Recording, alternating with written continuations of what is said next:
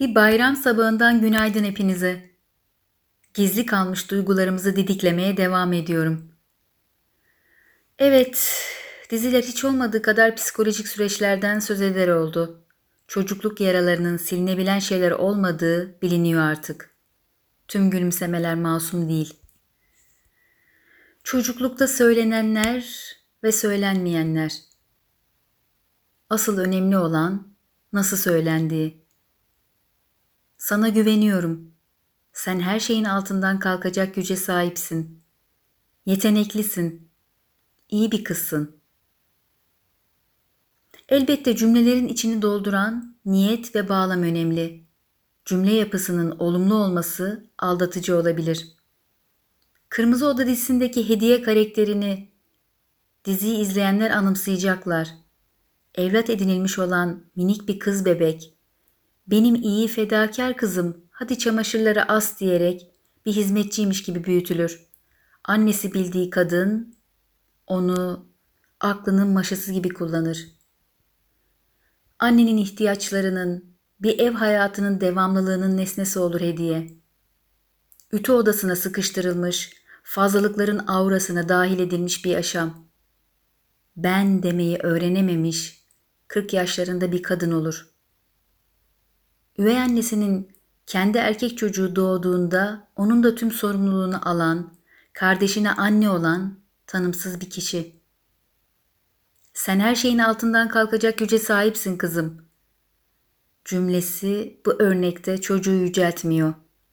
Ona ihtiyaç duyduğu sevgiyi, güveni, özeni vermiyor. Tersine öyle bir gücü olmayan çocuk kendi varlığından eksilerek başkalarının isteklerinin bir uzantısı olarak her şeyi düzenlemekle, iyi kötü her şeyin sorumlusu olmakla eziliyor.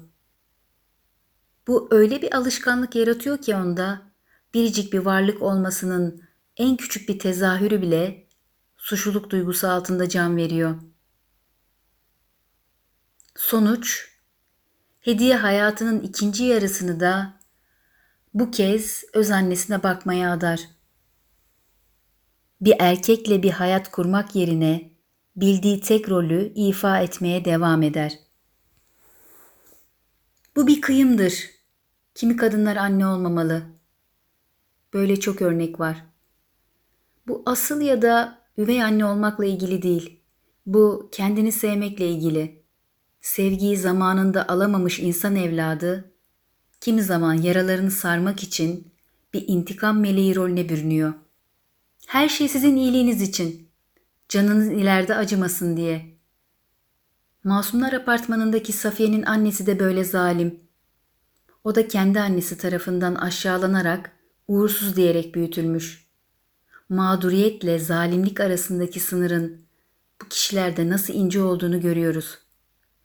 Safiye bölünmüş bir kişilik. Aynalarda kendisinden çok annesinin imgesi var. Onun topuzuyla zalimleşiyor, onun cümleleriyle insanları parçalıyor. Hiç gülümserken görmediği annesinin kahkahası alay, tahkir, şiddet dolu. Safiye kendi olma savaşında annesine yenildiğinde bu delirmiş kahkahaya sığınıyor ve istemese de annesi oluyor.'' 16 yaşındaki genç kız Safiye'nin sağlıklı parçaları nadiren içinde filizlendiğinde saçlarını açıyor. 1940'ların Alman mürebbiyelerine benzeyen o sevimsiz giysilerini çıkartıp yerine hayat dolu elbiseler giyebiliyor. Olmayan anne sevgisinin boşluğunu dolduran Naci, Safiye'nin bir başka varlığın göz bebeğinde görüp sevebildiği kendisi demek.'' Evet, güzel sözlerin büyüsüne kapılan kadınları küçümseyenler. Bu kadınlar düşündüğünüz gibi aptal değil. Onlar sadece varlıklarının olumlanmasına ihtiyaç duyuyorlar. Kendi onaylarını kendi başlarına vermeyi öğrenemedikleri için bir onay tuzağında sömürülmeye açıklar. Yine de denemeye değer öyle değil mi?'' Örneğin Gülben, Safiye'nin bir küçüğü. sevgi dokunuşlarına, dokunmanın sıcaklığına hasret çeken bir kadın. Sözlerin dokunuşuyla bile çiçekler açıp pamuk şekeri gibi parlayabiliyor. İlk kez gördüğünde sapık mı acaba diyerek korktuğu Anıl'ın sonraları gözlerine yaptığı iltifatla kendinden geçebiliyor. Neden? Aptal olduğu için mi? Hayır. Derenoğlu ailesindeki herkes çok zeki. Onların sorunu kimselerin sevgisine layık olmadıklarına inandırılmış olmaları. Han hala İnci tarafından sevildiğine inanamıyor. Doktor Johnny Webb yetişkin kişilerin sevgiyi bulsalar da geride hep bir boşluk duygusu olarak kendini duyuran şeyi tanımlıyor. Duygusal ihmal. İhmal özellikle ilgisiz davranıp yalnız bırakmak demek. Yani çok az ilgi ve saygı göstermek. Duygusal ihmale uğramış kişileri dışarıdan bir gözle fark etmek kolay değil. Gayet karizmatik, kendini iyi ifade edebilen, iş güç sahibi adamlar, kadınlar olabiliyorlar. Mesela Han karakteri. Gölge yönlerini gizlemesine yardımcı olan güçlü özelliklere sahip. Bunların başında da ikna, olumsuz yanıyla manipülasyon yeteneği geliyor. Bu yetişkinlerin çocukluğuna indiğinizde ebeveynlerine dair iki tutum göze çarpıyor. Birincisi akut empatik başarısızlık, diğeri kronik empatik duyarsızlık. Her iki tutumda çocuğun kriz anlarında yalnız kalmasına ve onarılması zor yaralara neden oluyor. Görünmez, tehlikeli kalıplar iş başında. Örneğin ailedeki erkek çocuğun kayırılması bizde çok sık görülür. Çocuk astım olduğu için fazlasıyla şımartılırken kız kardeşinin onun iştahını kaçırması bahanesiyle sofradan uzaklaştırılması ya da sürekli eleştirilmesi. Böylece kız çocuğun değeri düşürülür. Ya da bir ailenin utanç duygusuna karşı fazla duyarlı olması. Bu da bir kalıptır ve kendini şu cümleyle gösterir. Aman komşular duymasın. Kan kusup kızılcık şerbeti içtim diyoruz ya. Bütün bu kan kaybetmeler, kim olduğunu bilmediğimiz o sözde ahlak bekçileri için. Hatırlamakta fayda var. Bir yerde utanç varsa sır da vardır. Duygusal ihmalin görünmez kalıpları deforme olmuş hazlar duyulmasına da neden olabilir. Bu haz türüne Almanca'da Schadenfreude deniyor. Yani başkasının talihsizliğinden duyulan keyif. Türkçe'de tam bir karşılığı yok. Kabaca şeytani haz denebilir. Bu duygunun birebir bir sözcükle eşleşmemiş olması toplum hayatımızda bu duyguya yer olmadığı anlamına gelmiyor.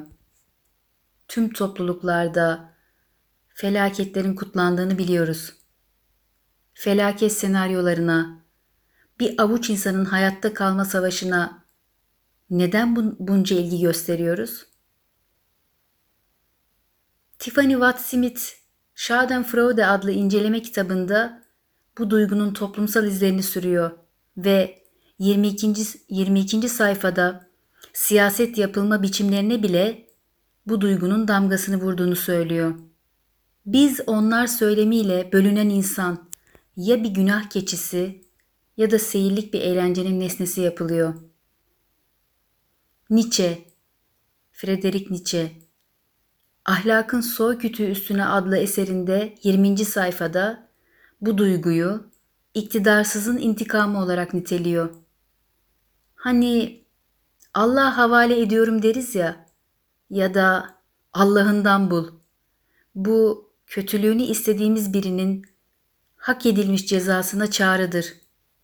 Toplumsal adaletin geciktiği ya da tasfiye edildiği toplumlarda ilahi adalete sığınılır.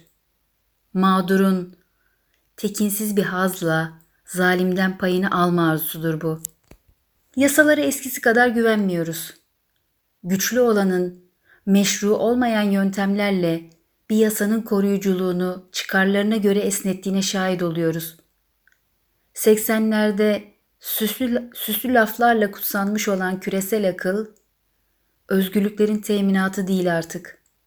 Tam tersine, tutsaklıkların görünmez ellerle çoğaltılması anlamına geliyor. Böylece ben mutlu değilsem kimse olmasın diyenler çoğalıyor. TikTok'taki fiyasko videoları milyonları kahkahaya boğuyor. Eşek şakaları, sakarlıklar hiç olmadığı kadar ilgi görüyor. Pandeminin varlığı bunlara tuz biber ekiyor. Gerçek sopalarla vuramadığımız kafalara Twitter'dan balyoz gibi mavi kuşlar indiriyoruz. Dokunulmazların tökez, tökezlemesini görme zevki için cep telefonlarının içinde yaşıyoruz adeta. Bu acımasız rekabetin kökleri duygusal ihmale çıkıyor. Örneğin Hitler. Ressam olmak için üç kez sınavlarına girdiği Viyana Güzel Sanatlar Akademisi'ne kabul edilseydi, İkinci Dünya Savaşı olur muydu diye soruyor insan. Evet, benim size anlatacaklarım bugünlük bu kadar. Daha derin yüzleşmeler için Dr. Jonas Webb'in Solo Unitas yayınlarından çıkan Boşluk Hissi kitabına göz atabilirsiniz. Ve de Tiffany Watt Smith'in kolektif kitaptan çıkan Schadenfreude eserine. Şimdilik hoşçakalın.